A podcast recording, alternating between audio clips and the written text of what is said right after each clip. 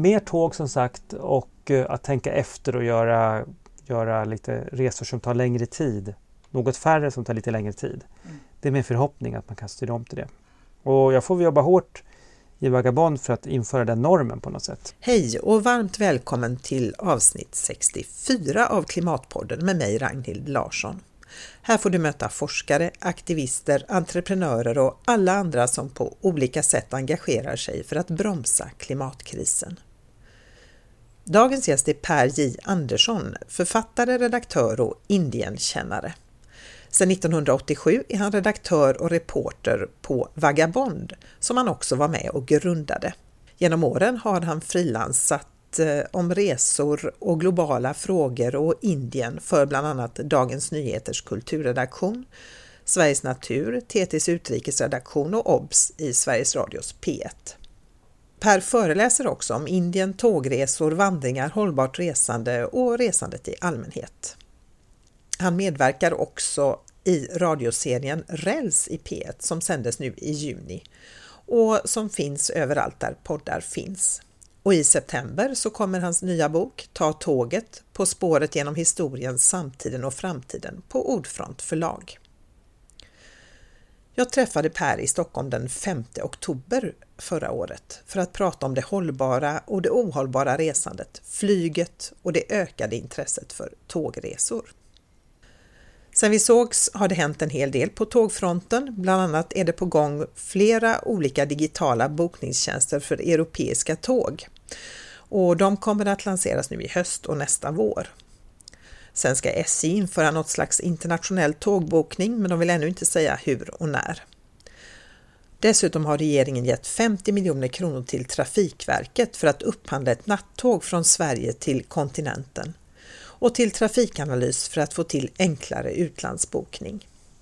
Som du säkert har märkt så är Klimatpodden helt reklamfri och om du vill eh, se till att den kan fortsätta komma ut så går det väldigt bra att sätta in en valfri summa på Klimatpoddens eget Swish-konto.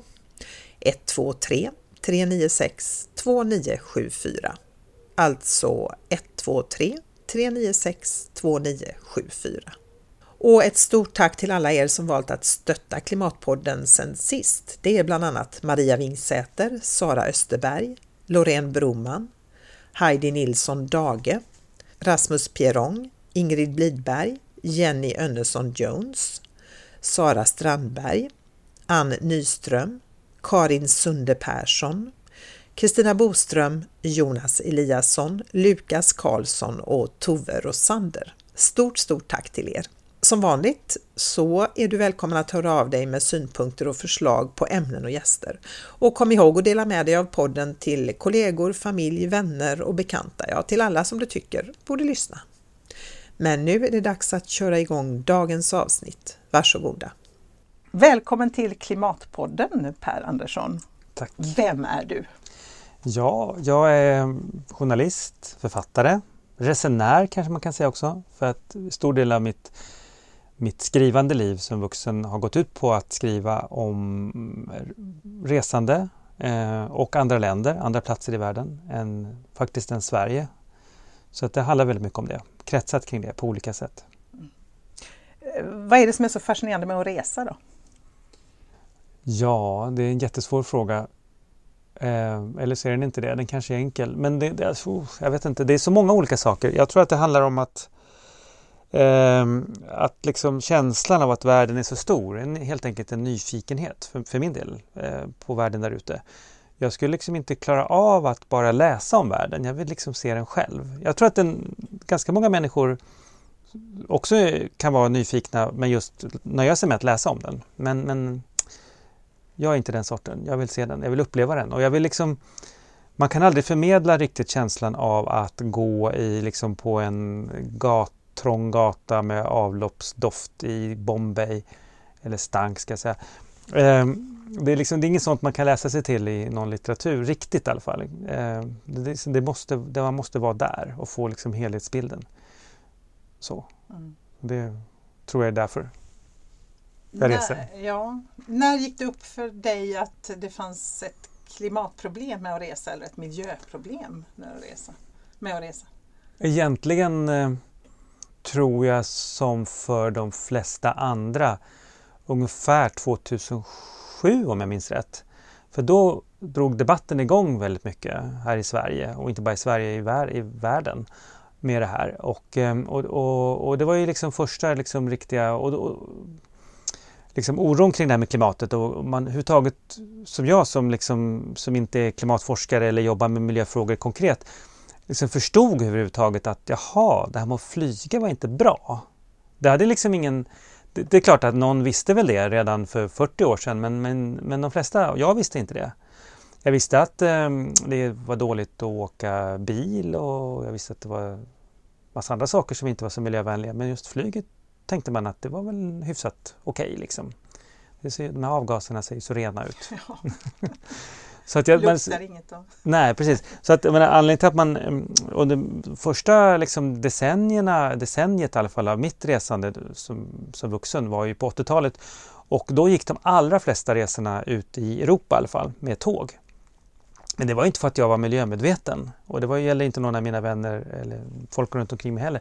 Det var det enkla skälet att det var det som var normen och det var det som var billigast och det var det som var liksom, det som stod till buds om man inte var, hade väldigt mycket pengar. Så flyg var fortfarande en lyxgrej eh, när tåget fanns där i alla fall. Mm. En annan sak var om man skulle åka till Indien som jag gjorde redan tidigt på 80-talet. Då var det ju flyget som gällde ändå. Annars var det tåg. Mm.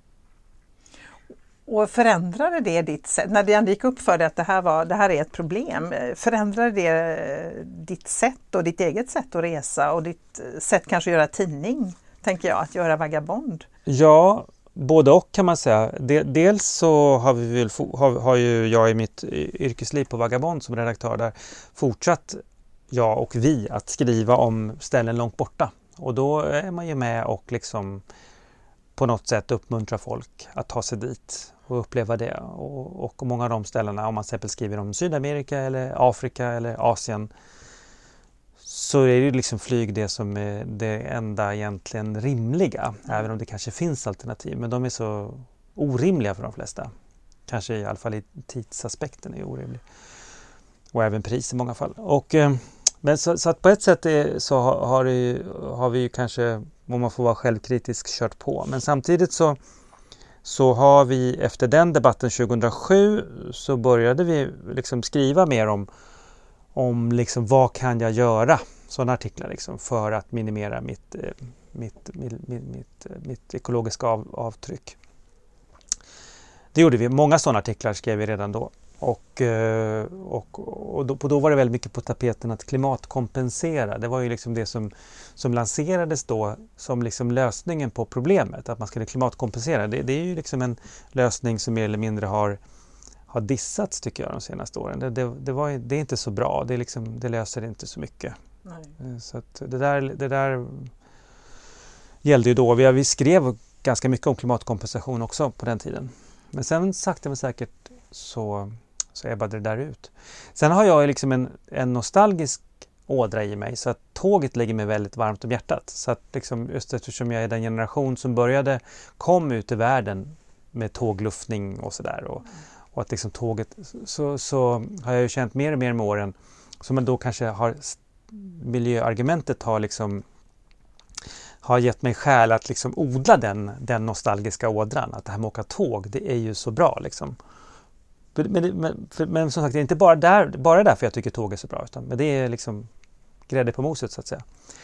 Så att jag har skrivit väldigt mycket i Vagabond och vi har skrivit mycket i Vagabond om tågresande och mer och mer med åren. Det har liksom kommit tillbaka. På 90-talet, Vagabond fanns ju även då, gjorde vi det jättemycket. Eh, och sen så kan man väl säga att det blev mindre och mindre i takt med att folk åkte mindre och mindre tåg utomlands. Och, men nu har det fått en skjuts uppåt. Och nu i, i november så kommer Vagabond ut med för första gången eh, en specialtidning, ett, ett specialnummer som bara handlar om tågresor. Ja, kul! Eh, vilket är jättekul. Eh, vi har haft andra special om vandring och sånt men nu kommer det liksom ett rent tågnummer. Det är bara tågresor varenda notis, varenda artikel från första till sista sidan. Det är jättekul att få göra det. Vi håller på att producera det just nu. Ja, vad härligt. Vad kommer det, kan du ge några exempel på vad det kommer att innehålla? Då? Ja, det kan jag göra. Det innehåller, jag själv var ute och tågluffade. Eh, första riktiga tågluffen sedan 1981 i stort sett för min del. Eh, och nu gjorde jag det med, med två barn, 11 och 16 år gamla och vi reste runt i Europa. Och det, det blir en artikel om det. En ganska praktisk artikel hur, hur det kan gå till. Ja. Uh, hur man gör. Uh, och sen blir det också artiklar om Transsibiriska järnvägen. Och jag har också åkt bergståg i södra Indien med ånglok. Wow! Ja, uh, högst upp, liksom ovan molnen nästan.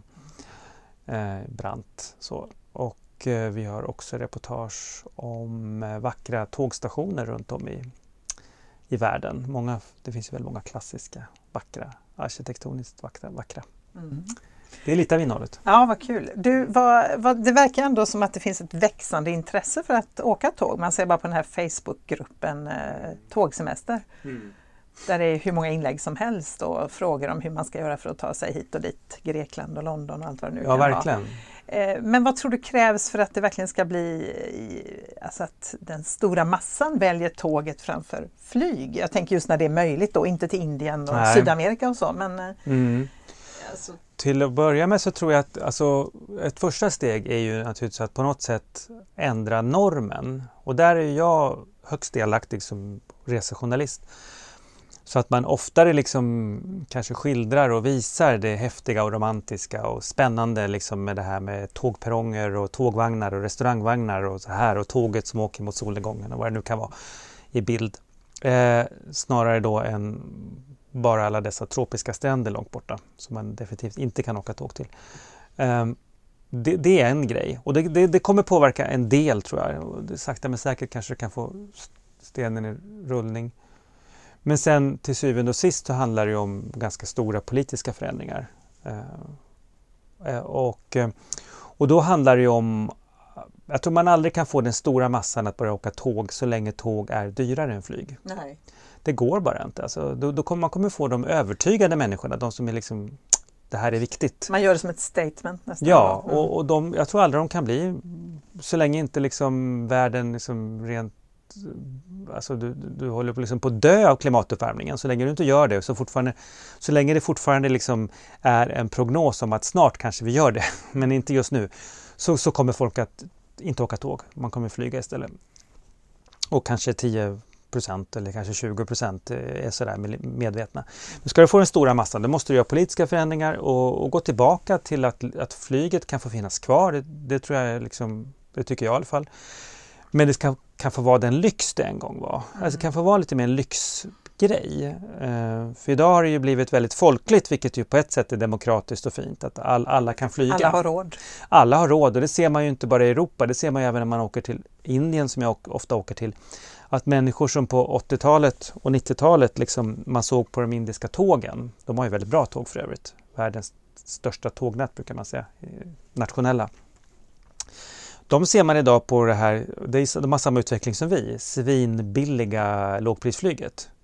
Det kan vara liksom, ja, man, man tänker oj kan de här flyga? Ja men det kostar ju bara, och Indien är det ännu billigare, du kan flyga för, ja men som ungefär vad det kostar att åka från Sverige till Stockholm till London i så här konkurrensutsatt linje där du kan åka för 150 kronor och sådär. Och så där är det i Indien också. Mm. Och då åker ju folkflyg. Liksom. Ja, det... Så det är demokratiskt och folkligt på ett sätt. Men, men jag tror att vi måste släppa det. Vi måste släppa och låta det få bli en lyxpryl mm. igen. För nu är det nästan tvärtom, att det blir lite lyxigt att kunna åka tåg, att ha tiden ja. och att ja, ha råd att kanske ta nattåget, stanna en extra natt i Hamburg på väg till London till exempel. Ja absolut, ja. för att tid har också blivit liksom som du säger, det, det har ju liksom blivit att, att, ta sig tid, det har blivit också någon, nästan, nästan en lyxgrej då. Ja, och så beror det på, jag kan till exempel sitta och jobba på tåget, jag kan sitta och skriva mm. något eller läsa ja. någonting, men ja. det är ju lite svårare om man är sjuksköterska. Eller ja, nej, så. så då blir det ju den ett klassperspektiv på det hela lite ja, grann kan faktiskt. man säga att de, de, som inte har så mycket resurser de, de har ont om tid och de måste flyga. Ja. Och, och de som har mer har råd att ta sig tid och betala. Ja, ja. Eh, ja jag förstår ju att du åker mycket tåg, men hur mycket flyger du då? Jo, jag gjorde sådana här test eh, eh, jag tror det var Svenska Dagbladets, eh, alla tidningar har haft sådana här test, hur, hur mycket koldioxidutsläpp eh, resulterar dina livsval i? Och då var det så att eh, då stod det i den här testet att ta inte med dina arbetsresor. Jag tänkte återkomma till det sen. Det stod, ta bara liksom ditt vardag, liksom ditt, ditt, ditt privatliv. Och då såg allting väldigt ljust ut. Jag tror jag släppte ut hälften jämt mot en genomsnittssvensk. Ja. För jag har ingen bil. Jag åker i princip aldrig bil. Det kan hända att jag åker taxi någon enstaka gång. Utan jag åker pendeltåg och tunnelbana och cyklar och går. Jag bor ju i Stockholm, mitt i stan. Ehm, jag behöver liksom ingen bil. Jag bor också i lägenhetshus och köper mycket second hand och um, huset värms upp med, med, med, fjärrvärme och vi bor många i det huset för det är en lägenhet.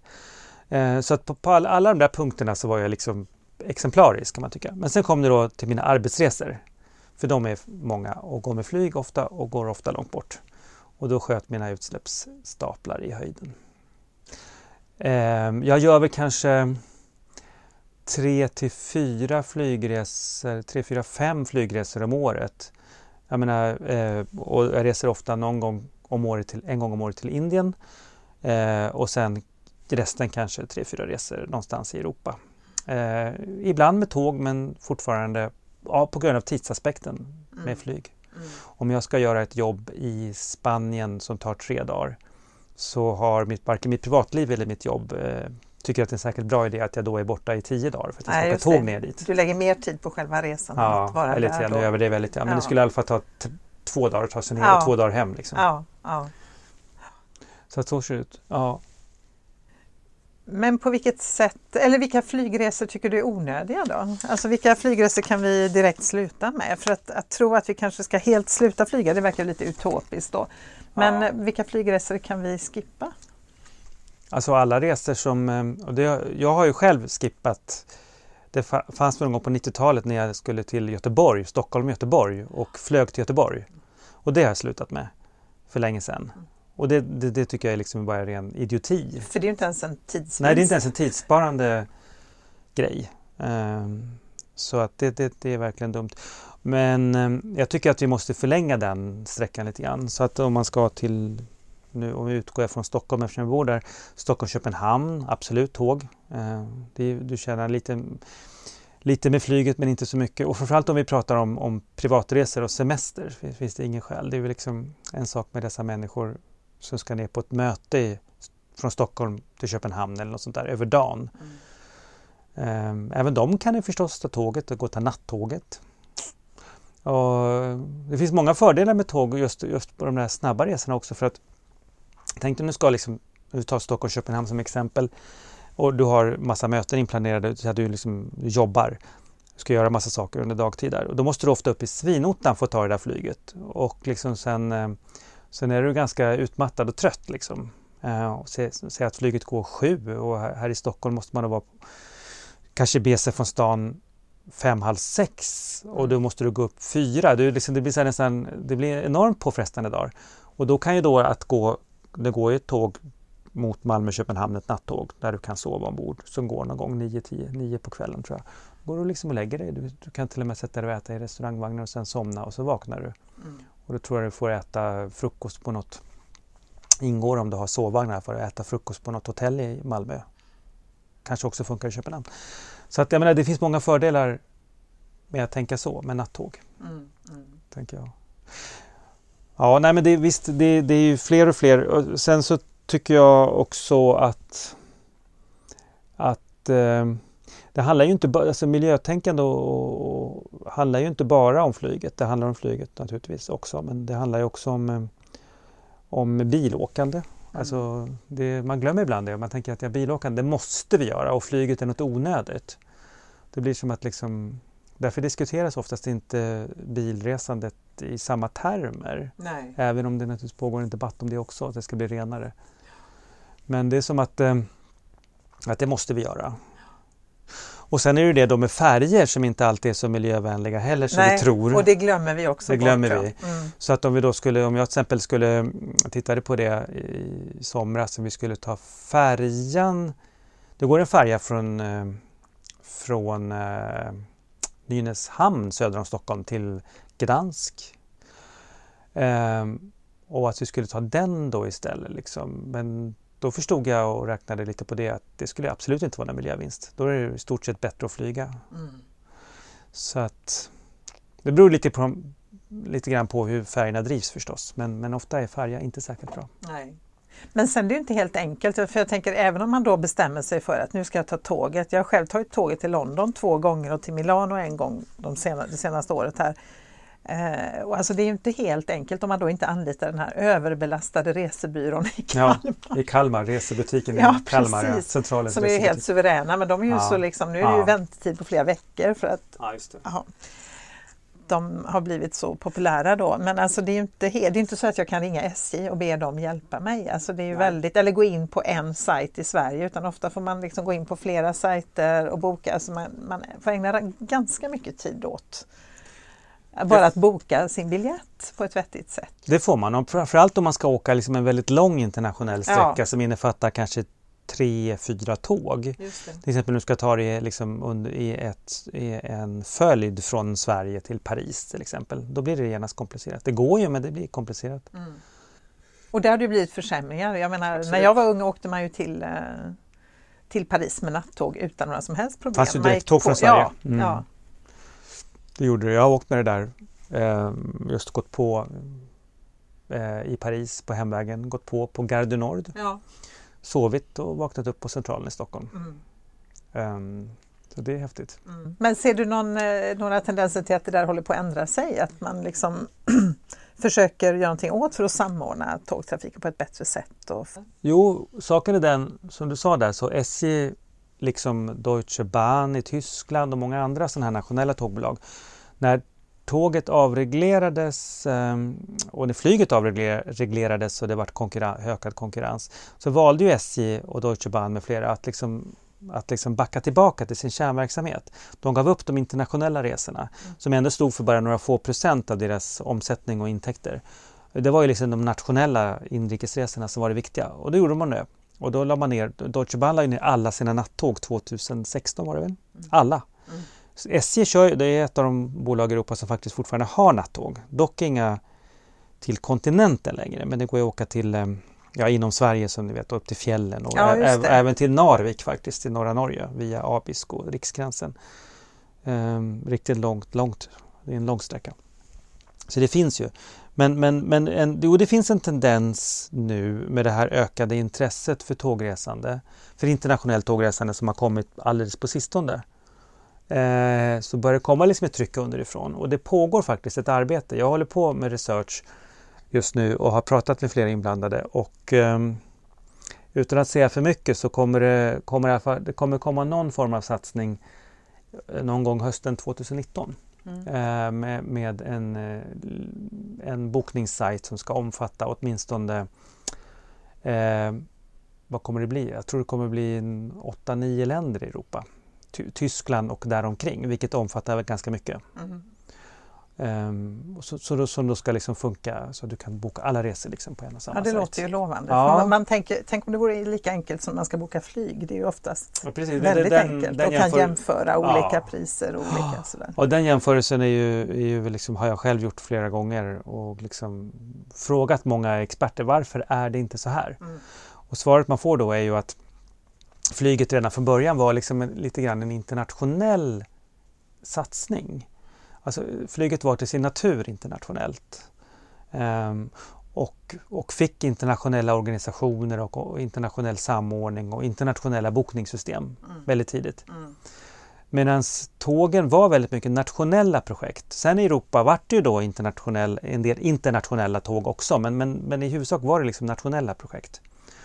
Och det där, det där spökar fortfarande att det är så. Mm. Att liksom transportpolitiker i varje land har brytt sig liksom att man ska kunna ta sig med tåg inom landet men inte brytt sig om. Det har inte funnits någon som har haft liksom tagit det haft den bollen så att säga riktigt. Nej. Men hur stor, hur stor påverkan tror du, alltså de här alla nu då, även om det inte är en långt ifrån en majoritet, men det finns trots allt ett växande intresse för att åka tåg.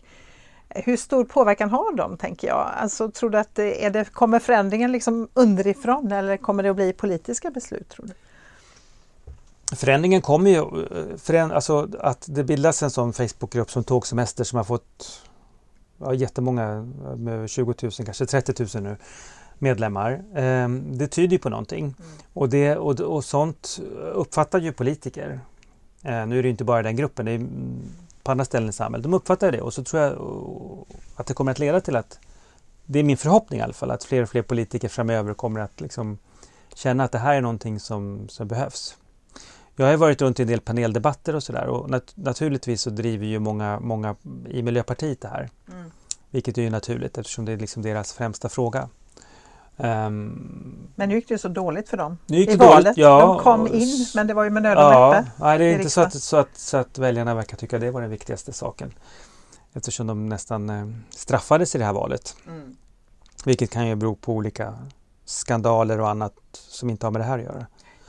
Men, eh, men eh, ja, det är lite sorgligt. Men det, nej, men det, det jag tror att det kommer vara eh, ett ökat tryck underifrån på grund av ett ökat intresse för tågresande som i sin tur beror på bland annat klimatångest men också en upptäckt att, att det här med att åka på tågsemester även med barn, vilket kanske var otänkbart för 20 år sedan att man skulle liksom tågluffa med barn. Mm.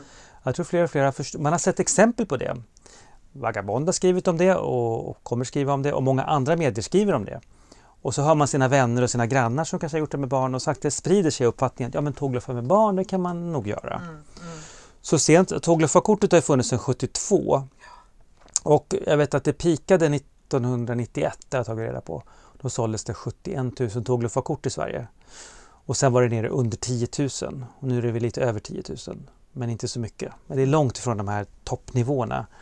Och, och, eh, och så, sen har jag då, som jag skrivit då och då om det här med tågluftning eh, under de åren som har gått, så jag har fått frågan, nej men det här med interrailkortet det är väl nedlagt? Jag har hört det så många gånger och det har aldrig lagts ner. Intressant. Jag har sagt, sagt nej, nej, det är inte nedlagt. Ja, men det är svindyrt nu för tiden, säger de då.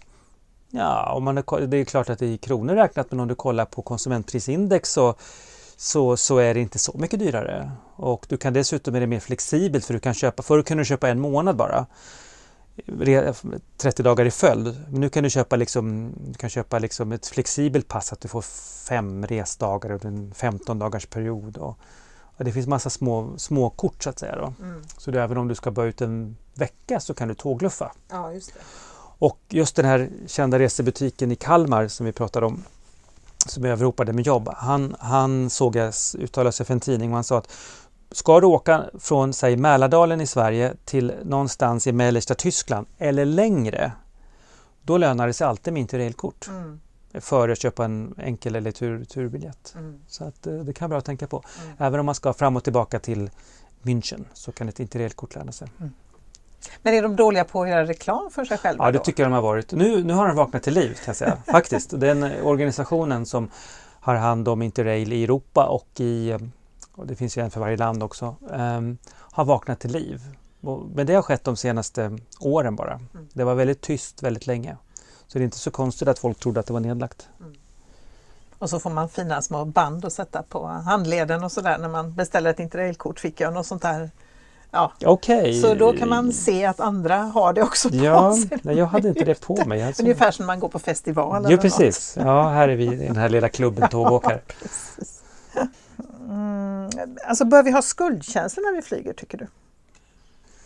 Det här är en intressant fråga om man ska ha skuldkänsla när man flyger. På något sätt så på ett sätt så tycker jag det är liksom att göra frågan liksom lite banal, att göra det till en fråga om, om liksom skuld eller om man ska känna sig duktig. Mm. Men samtidigt kan förstås skuld ha en, en, vad ska man säga, en effekt. För om man känner skuld eh, så gör man ju inte det lika mycket kanske. Jag menar, känner man att det är fel att dricka alkohol till lunchen då gör man inte det. Och det är kanske bra för folkhälsan om man tar en liknelse. Eller så gör man det i smyg men man lägger man... inte ut det på Instagram Nej, eller på man Facebook. visar inte på Facebook att man... Och det tror jag säkert det har, har kommit lite grann att man kanske vissa då klimatmedvetna människor inte stoltserar med sina flygresor Nej. lika mycket längre. Men på ett sätt så är jag lite kluven kring det där med skam. Alltså är det här ett privatpsykologiskt problem eller är det ett stort politiskt samhällsproblem? Just det. Men samtidigt som jag sa då så kan ju då skam driva på en förändring, kanske. Mm. Men, men jag vet att många som inbland, många som jobbar med, med, med att få folk att bete sig mer miljövänligt säger ju att det som på engelska kallas, kallas shaming, tror jag sägs på engelska, att det, det är en ganska jobb, jobbigt sätt att jobba. Det är bättre att visa på möjligheterna. Just det.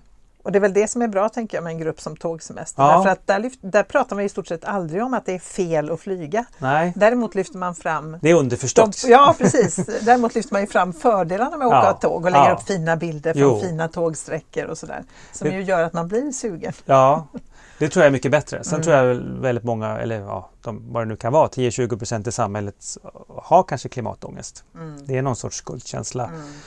Ehm, så det var en skämtteckning i DN idag om vad är värst? Liksom den här, den här liksom klassiska mannen med slips som åker bil hela tiden och flyger hela tiden. Eller den här med klimatångest som tycker att han ändå kan unna sig att flyga då och då.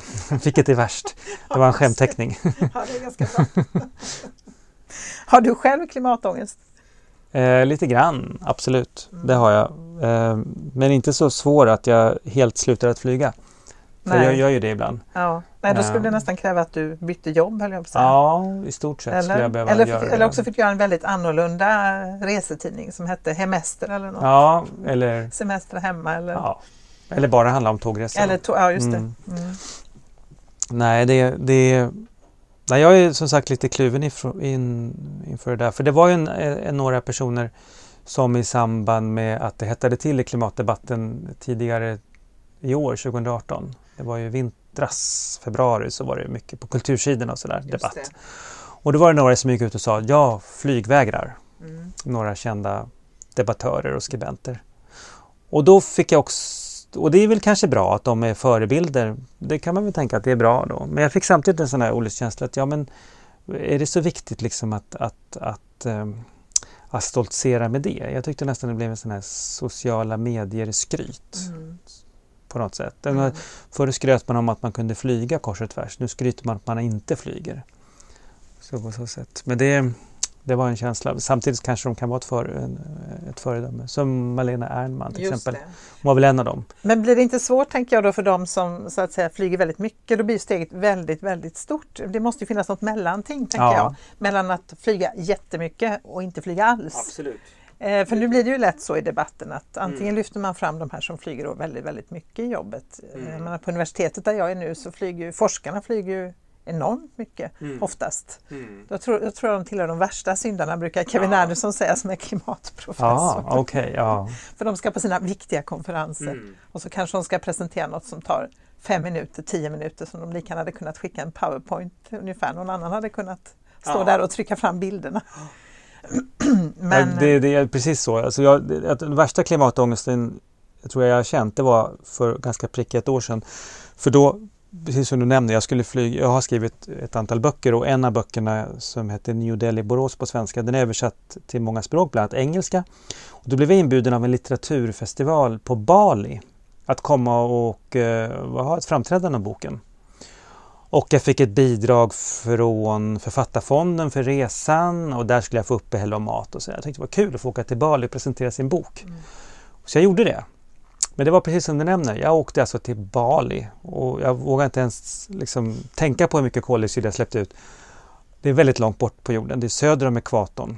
Det är liksom dubbelt så långt som till Indien som jag brukar åka till. Och så presenterade jag min bok och jag tror det tog 20 minuter på en scen med ganska mycket folk men ändå liksom, det var 300 personer som lyssnade i 20 minuter. mm, mm. Så det kanske påminner om de här forskarnas arbete. Man tänker ju för att det borde kunna komma smartare sätt att kommunicera än de vi har idag. Nu är det ju oftast Skype och sådär lite så. Ja, Funkar inte alltid jättebra. Och sådär. Eller sådana här videolänkar och sådär. Men att det skulle komma smartare sätt att göra som, att, som gör att man åtminstone inte behöver göra varenda resa. Man kanske kan Ja, men det är många som menar att vi har ökat vårt resande så enormt. Ja, så har vi. bara det om vi drog ner på det till hur det var då kanske när vi var yngre, när det var Ja. lite mer lyx Ja, att resa. Ja. Att då skulle mycket vara vunnet. ja, men så är det. Och det handlar ju både om semesterresor och om arbetsresor. Mm. Så man kan, ehm, nej, det är precis det, man måste gå den liksom, gyllene medelvägen. Även om det är akut på många sätt kanske med klimatuppvärmningen. Men, men att, att försöka hitta en väg att, att få verkligen att folk att göra det. Liksom. Mm. Ehm, och ta, verkligen ta bort de här onödiga resorna. Både i arbetet och på semestern. Att flyga på weekendresor långt bort till exempel. Ett tag så, så resebranschen gick, liksom vart ju mer och mer extrema. Eftersom flygpriserna sjönk så man så gjorde de ju det. De var liksom började lansera paket med Weekend i New York mm. Eh, och sånt. Fem dagar shoppingresa till Peking och sånt. Ja absolut, det fanns. Mm. Mm. Kanske fortfarande finns för övrigt, det vet jag inte. Ja, det är åtminstone folk som reser ja, de här resorna. Mm, mm. Jag tycker det var någon som sa okynnesflygande, det tycker jag är ett ganska bra mm. begrepp. Alltså det här, alltså lite som när man okynnesäter. Man ja. äter fast man egentligen är mätt, bara för att det är gott. Bara för att det är gott och billigt. ja, billigt. Och okynnesflygande och okynnesbilåkande. Ja, just det. Väldigt mycket. Det, och det, det irriterar ju mig också väldigt lika mycket. Det är eh, människor som bara för att de har en bil så tar de bilen. Även om det skulle Även om det liksom är två kilometer mm. bort. Mm. Mm. Eh, till exempel åka och handla två kilometer bort. Om man är liksom frisk och inte har några rörelsehinder så tycker jag att det är det är, väldigt, det är ett okynnesbilåkande. Ja, verkligen. Nu har vi pratat mycket om resandet, men vad är det i övrigt i turismen som inte är hållbart? Då? Alltså hur, jag menar, det finns ju mycket annat tänker jag. Många pratar till exempel om all inclusive och sådär, att det är inte så bra, men det kan ju vara av andra skäl än miljöskäl. Men, mm. Eller ja, finns, finns det... Hur, ser, hur ser den hållbara turismen ut då? Om man, om man liksom tänker bort resorna? Jag tycker att det finns absolut mycket med turismen som inte är hållbart. Eh, för att inom turismen, precis som inom många övriga verksamheter, så har det ju skett också en, en vad ska man säga, att, att liksom, man tar ett som exempel, ett litet hotell har blivit uppköpt av en kedja av hotell. Eh, och det här har hänt de, framförallt de senaste 10 åren, 10-20 åren kanske, ja 10 åren. Eh, och så det, det innebär att, att liksom fler och fler väldigt stora turistföretag äger allt mer. Våra svenska charterarrangörer var en gång i tiden liksom ägda här av ägare i Sverige. Idag är de ägda av liksom multinationella europeiska koncerner som liksom har hand om alla. Så de som Ving tillhör, de som, de som heter Fritidsresor förut, nu heter TUI, tillhör. De liksom har all, nästan all liksom, eh, sån turism i Europa. Men liksom, och det innebär ju då, det är ju på ett sätt, och nu pratar om hållbarhet i termer av att eh, sprida inkomster och få folk delaktiga i turismen så leder ju det tvärtom då till att pengarna försvinner långt upp i pyramiden, liksom till toppen. Men där, där, även där, där finns det ju en, eh, en motrörelse kan man säga och en är väl det ibland utskällda Airbnb och liknande tjänster, det är inte bara dem, som innebär att det har blivit allt vanligare med att, eh, så att säga, vanligt folk så att säga, som har ett rum över mm. hyr ut det till turister och kan då tjäna sin liten hacka. Och då sprids ju turistinkomsterna i många, många fler fickor. Sen finns det ett missbruk av det också, det vill säga någon som kanske köper upp sju lägenheter i Berlin eller på Manhattan och hyr ut dem kommersiellt och gör då att folk som bor där inte kan få tag på bostäder. Det har hänt i några städer vilket har gjort att politiker i Berlin bland annat och på Manhattan har förbjudit Airbnb. Alltså det är förbjudet ja, i Berlin nu? Ja, men eh, trots det så var jag i Berlin efter förbudet har införts och bodde i Airbnb. Ja. Och fick höra då av min uthyrare att nej men det gäller bara de som har många boenden. Jag har inte riktigt rätt ut vad det är som okay. gäller där. För jag har också bott på Airbnb i Berlin just, ja. men det var ett tag sedan. Så jag kan inte säga vad, men det är någon sorts begränsning i alla ja. fall. Det kanske inte är totalförbud. Så, eh, så det, det finns eh, men, men så, så jag tycker också all inclusive är väldigt ohållbart ekonomiskt. För att det är också så att eh, på ett all inclusive område så ingår ju som namnet antyder allt eller nästan allt.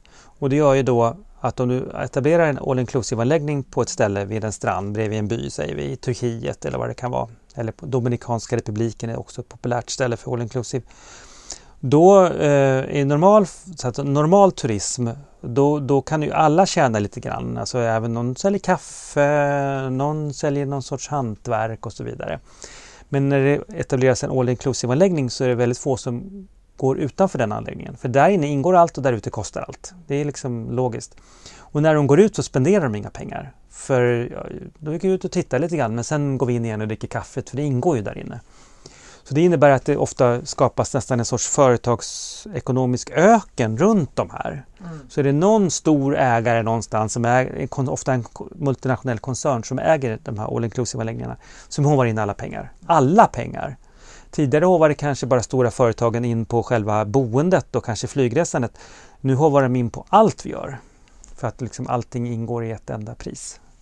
Så på så sätt är all inclusive eh, förödande för, för lokalt för turismen, mm. som jag ser det. Och ganska trist sätt och att dessutom, turista. Ja, dessutom trist för att du har du varit på en all inclusive anläggning i Turkiet så har du knappast varit i Turkiet. Du har varit i landet all inclusive. som inte finns någon annanstans än där. Och de enda turkar du möter är förmodligen de som, som plockar undan din mattallrik och ställer fram din kaffekopp och sånt. Ja. Inga andra. Det är liksom, men, men reser du runt på egen hand i, utav Turkiet som exempel nu eh, så, eh, så har du i alla fall möjlighet att liksom komma i och åker tåg och gå på kaf, vanliga kaféer och så här. Att komma i kontakt med, med vanligt folk utanför. Ja. Men jag tänker på, vi pratade också lite här om tidsaspekten, det här med att ta tåg, att det tar ju mycket längre tid och det blir ett, men tror du inte att vi ändå blir alltså i någon sorts idealsamhälle då, att vi kanske får mer tid, tänker jag. Det sättet vi lever på idag där vi jobbar väldigt mycket, eh, Ja, men vi har haft 40 timmars arbetsvecka, vad är det, sedan 60-talet, vilket ju känns ganska absurt. Jag menar, vi har många saker som förenklar och borde göra att vi fick mer tid då att inte jobba så att säga.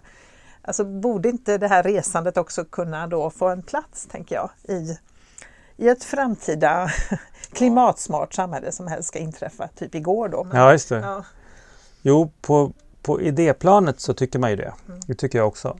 Men i praktiken så har det, ser det inte, har det inte sett ut så utan de, den här välfärdssamhället vi lever i med, med, faktiskt ökad fritid, i alla fall, ja det var ett tag sedan arbetstidsförkortningen senaste skedde, men, men ändå, eh, historiskt sett har vi ju, jobbar vi ju mindre Ja, vi har ju förr. mer semester och så, absolut. Och mer semester och sådär, och mer resurser. Så, så, så är det ju ändå så att tempot ökar. Mm. Och ett exempel på det i resebranschen är att sådana där rundresearrangörer som ordnar sådana här man reser runt, säg i Indien eller Afrika eller i Kina under, under en period och besöker olika platser och sådär. Jag har pratat med flera av dem och ännu på 90-talet, eh, Läs och res till exempel, som var en sån som försökte vara lite alternativ och därför körde de ofta tre och fyra veckors, i alla fall tre veckors resor. För man skulle, när man ändå var där skulle man passa på liksom. Mm. Och de med flera säger att det, det är jättesvårt att sälja sådana idag. Um, och det här är ändå liksom resor, kanske lite så once in a lifetime resor. Även de är svåra att sälja på Varför tre veckor. Det? Ja, alltså analysen av det är väl ungefär att folk är mer stressade. Ja. Jag vet inte vad det riktigt beror på. Så många av dem har dragit ner dem till två veckor. En vecka rundresa i Indien är det många tycker det är för hetsigt. Men två veckor är ultimat tycker många. Mm. Och så ut med tre veckor som gällde ännu fram till 90-talet. Mm. Och när jag reste till, just om vi tar Indien som exempel. Först reste till Indien 1983 när jag var 21 år. Då tänkte jag, åker man till Indien, det är så långt bort så då måste jag vara borta minst ett halvår. Ja, det. Och det var jag också. Ja. Och, men det var, liksom, det var inte bara jag som tänkte det, det var inte jag som kom på den idén. Så var tänket då lite grann, om man var backpacker. Så åker man till men Indien, handlar inte det om ålder också? För jag var också jo. ute på någon sån här långresa i ett, jo, men jag tror att flera månader. Det handlar om ålder, absolut. För att, ja. ja, man hade liksom du vet, jobbat och skulle börja plugga eller hade precis slutat ja. plugga eller liksom man var mellan man hade inte familj och man hade inget fast jobb kanske och så. Absolut handlar det om ålder, men jag menar att även dagens ungdomar, de som är 21 idag, ja, reser inte, inte heller lika mycket Nej, ett halvår. Utan de åker också mer på weekend till New York och, och kortare resor och sådär. Mm. Så att det har tagit sig ner i åldrarna. Men absolut, det spelar ju roll att en mitt i livet, fast anställning och två barn så är det svårt att åka till Indien sex månader. Det mm. säger sig självt. Mm. Det, Även om det finns en liten grupp som även gör sånt, tar med sig familjen. Mm. Det, vi, vi hör om dem ganska mycket på Vagabond, de här som sticker ett halvår eller ett år med två, tre barn, liksom, reser runt i världen. Mm. De ja. finns, men de är inte många. Nej. Har resebranschen överhuvudtaget snappat upp det här skulle du säga med att det finns det här ökade intresset för miljön och att eh, folk vill resa klimatsmart och så? Alltså, finns det ett ökat utbud för den som Jo, som, det, som vill resa på det sättet. Det har de. Eh, kanske inte tillräckligt snabbt och tillräckligt rejält men de har gjort det. Och de är ju de är medvetna om att de här valen finns och redan då när eh, den klimatdebatten tog fart förra gången, alltså för 10 år sedan, 10-11 år sedan, så var det, då hade många, till exempel av de svenska charterbolagen började liksom med miljöcertifiering av sina hotell och sådana saker då. Du vet det här att man inte byter handdukar varje dag. Mm att hotellet har kanske någon form av ehm, solceller och allt vad det kan vara för någonting. Eh, Sådana saker. Eh, men fortfarande så flög man ju folk dit. Och gör fortfarande. Eh, det här med tågcharter testade ju Fritidsresor som nu heter TUI med för ett antal år sedan. Men det gick inget bra. Tyvärr. Det var Italien, tågcharter till Gardasjön bland annat. Ehm. Vad föll det på, vet du det? Det var ganska dyrt. Intresset var lågt. Um, det kanske skulle funka bättre idag, för idag är liksom klimatdebatten ännu ett snäpp uppskruvad. Så det kanske skulle funka.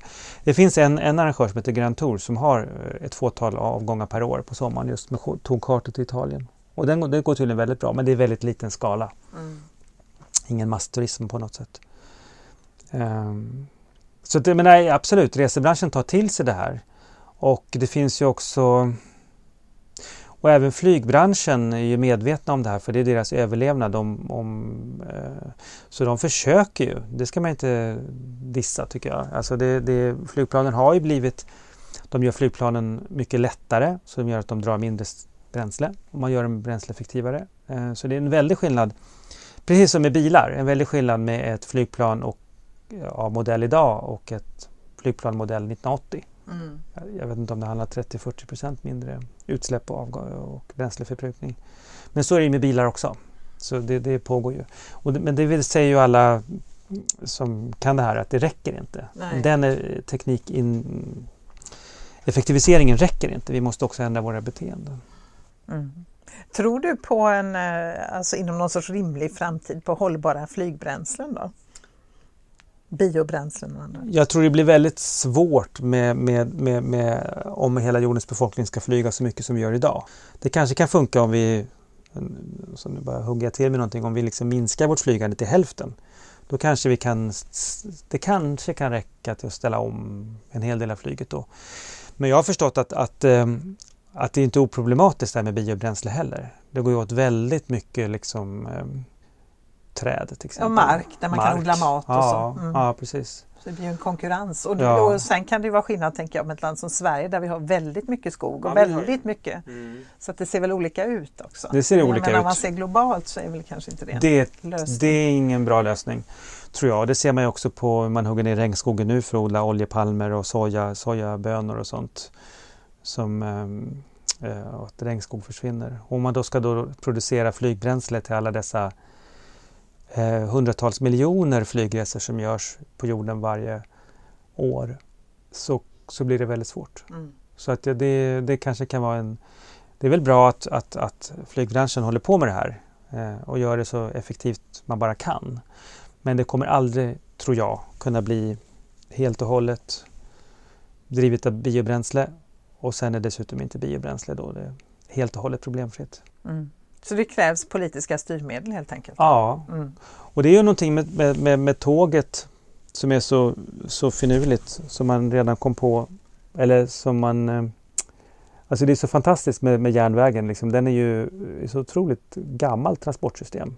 Alltså första järnvägen invigdes i England 1830, den reguljära järnvägen för passagerartrafik.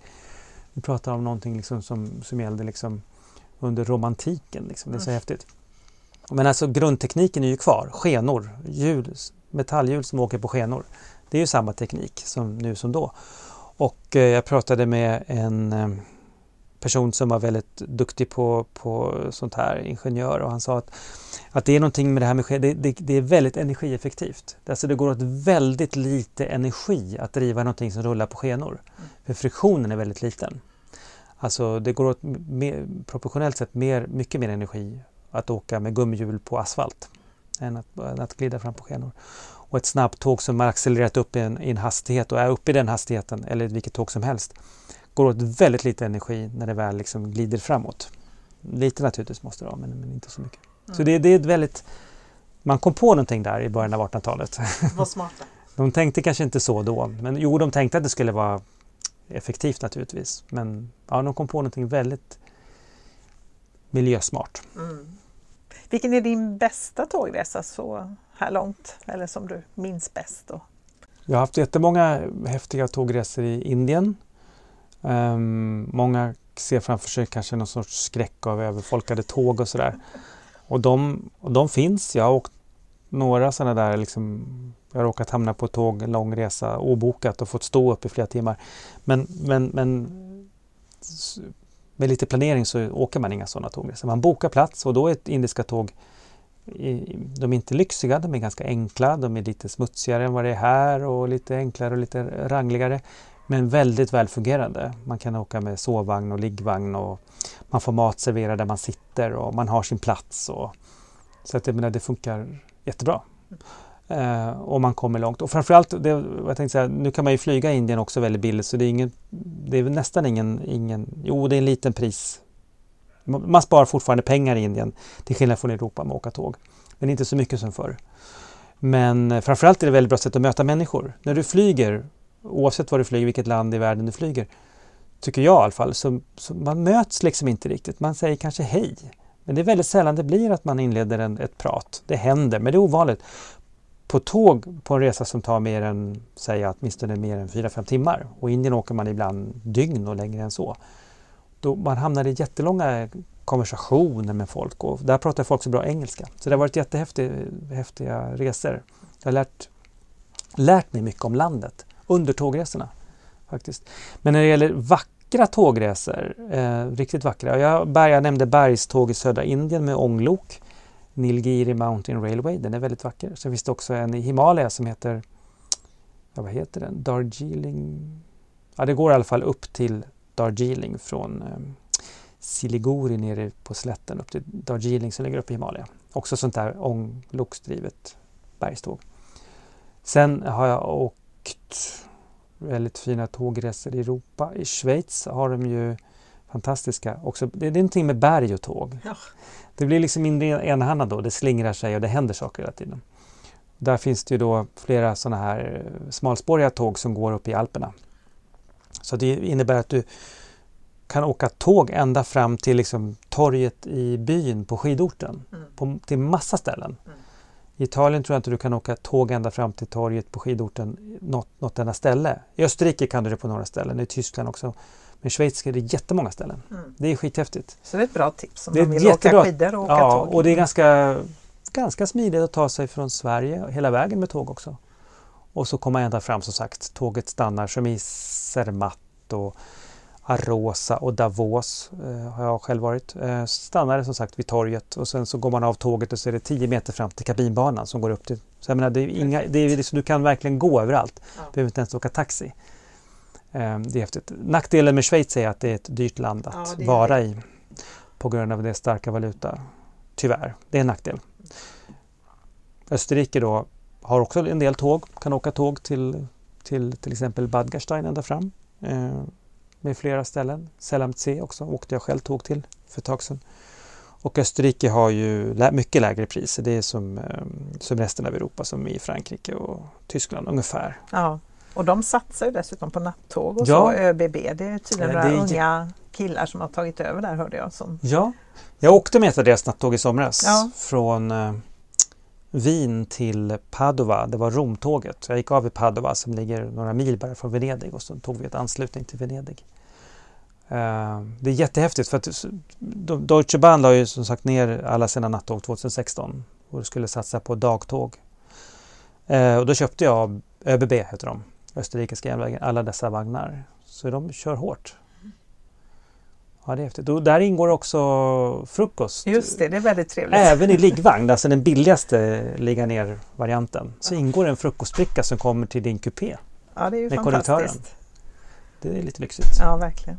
Förresten, vad tyckte dina barn om att tågluffa? Då? De var faktiskt väldigt förtjusta i det. Ja. Framförallt 16-åringen. 11-åringen klagade ibland på att det var lite tråkigt. Ibland, men han var, tyckte också om det. Men 16-åringen var helt fascinerad och pratade om att nästa sommar ska han nog ut och tågluffa på egen hand. Då är han 17. Mm. Eh, får se om han får det. Kanske.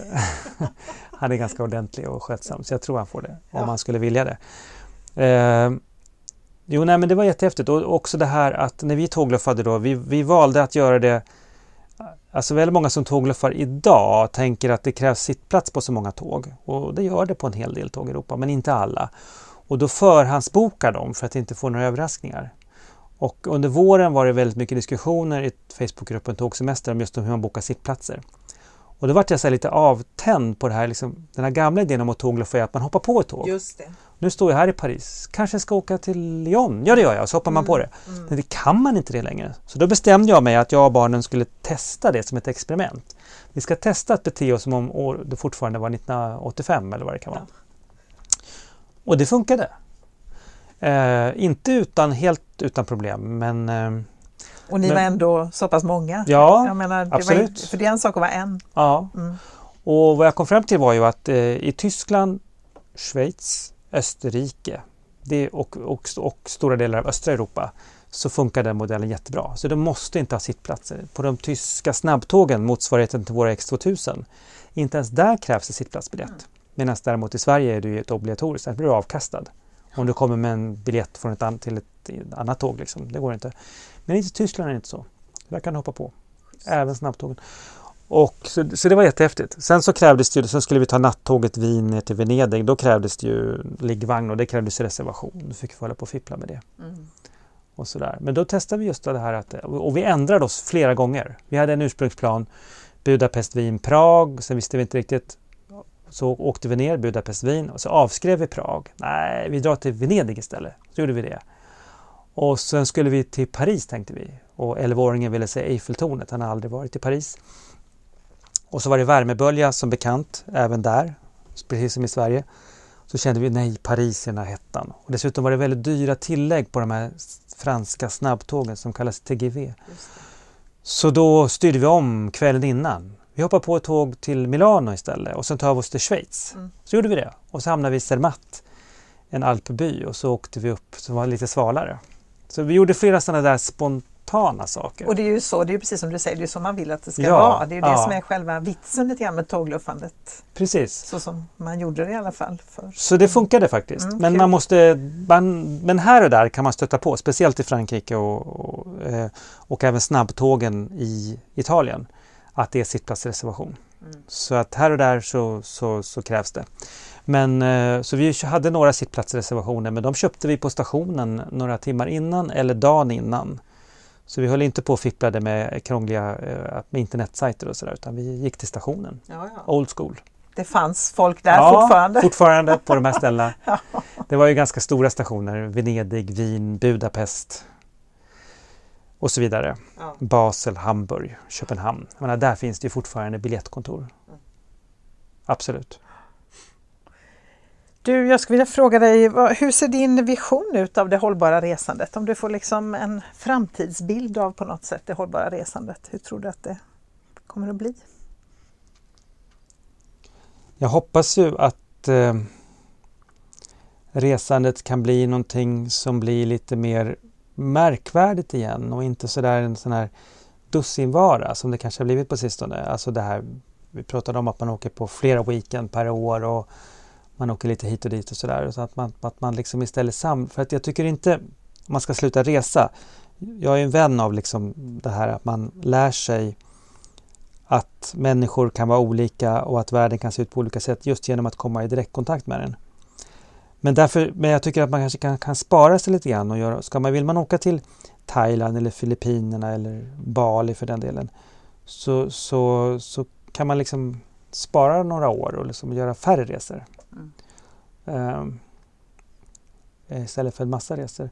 Och när man åker i, eh, i framförallt då i Europa att man försöker välja bort flyget så mycket det bara går. Och det säger sig självt nästan att då gör man inte en weekendresa till Rom med tåg. Det gör man ju bara inte, det blir liksom konstigt. Då gör man en längre resa och passar på att se Milano och Paris på vägen. Just det, då blir resan en del av, Ja, av För det var- upplevelsen. Ja exakt, för det var också en känsla jag fick nu när jag tågluffade i somras att vilken lyx det här var. Här skulle vi till, till Budapest och Wien men så kunde vi också se Zermatt och se snö och kanalerna i Venedig på samma biljett så att säga. Mm. Det var en häftig känsla. Det ingick liksom. Det var inte det att du köpt, köpte en ny resa. Och när man flyger så är det verkligen inte så. Så att det var, det var det finns mycket att vinna med det där. Man kan åka på det sättet. Nej men det är väl, det är väl eh, mer tåg som sagt och eh, att tänka efter och göra, göra lite resor som tar längre tid. Något färre som tar lite längre tid. Mm. Det är min förhoppning att man kan styra om till det. Och jag får jobba hårt i Vagabond för att införa den normen på något sätt. Just det, du har en viss möjlighet där. Att ja, jag har ju, jag har ju en påverkanskanal där. Ändå. Mm. Får vi se om det hjälper. Mm. Då hoppas vi att det blir så. Ja, ja. Tack så jättemycket för att jag fick sitta här och prata med dig om eh, resor och ett hållbart resande. Tack ska du ha.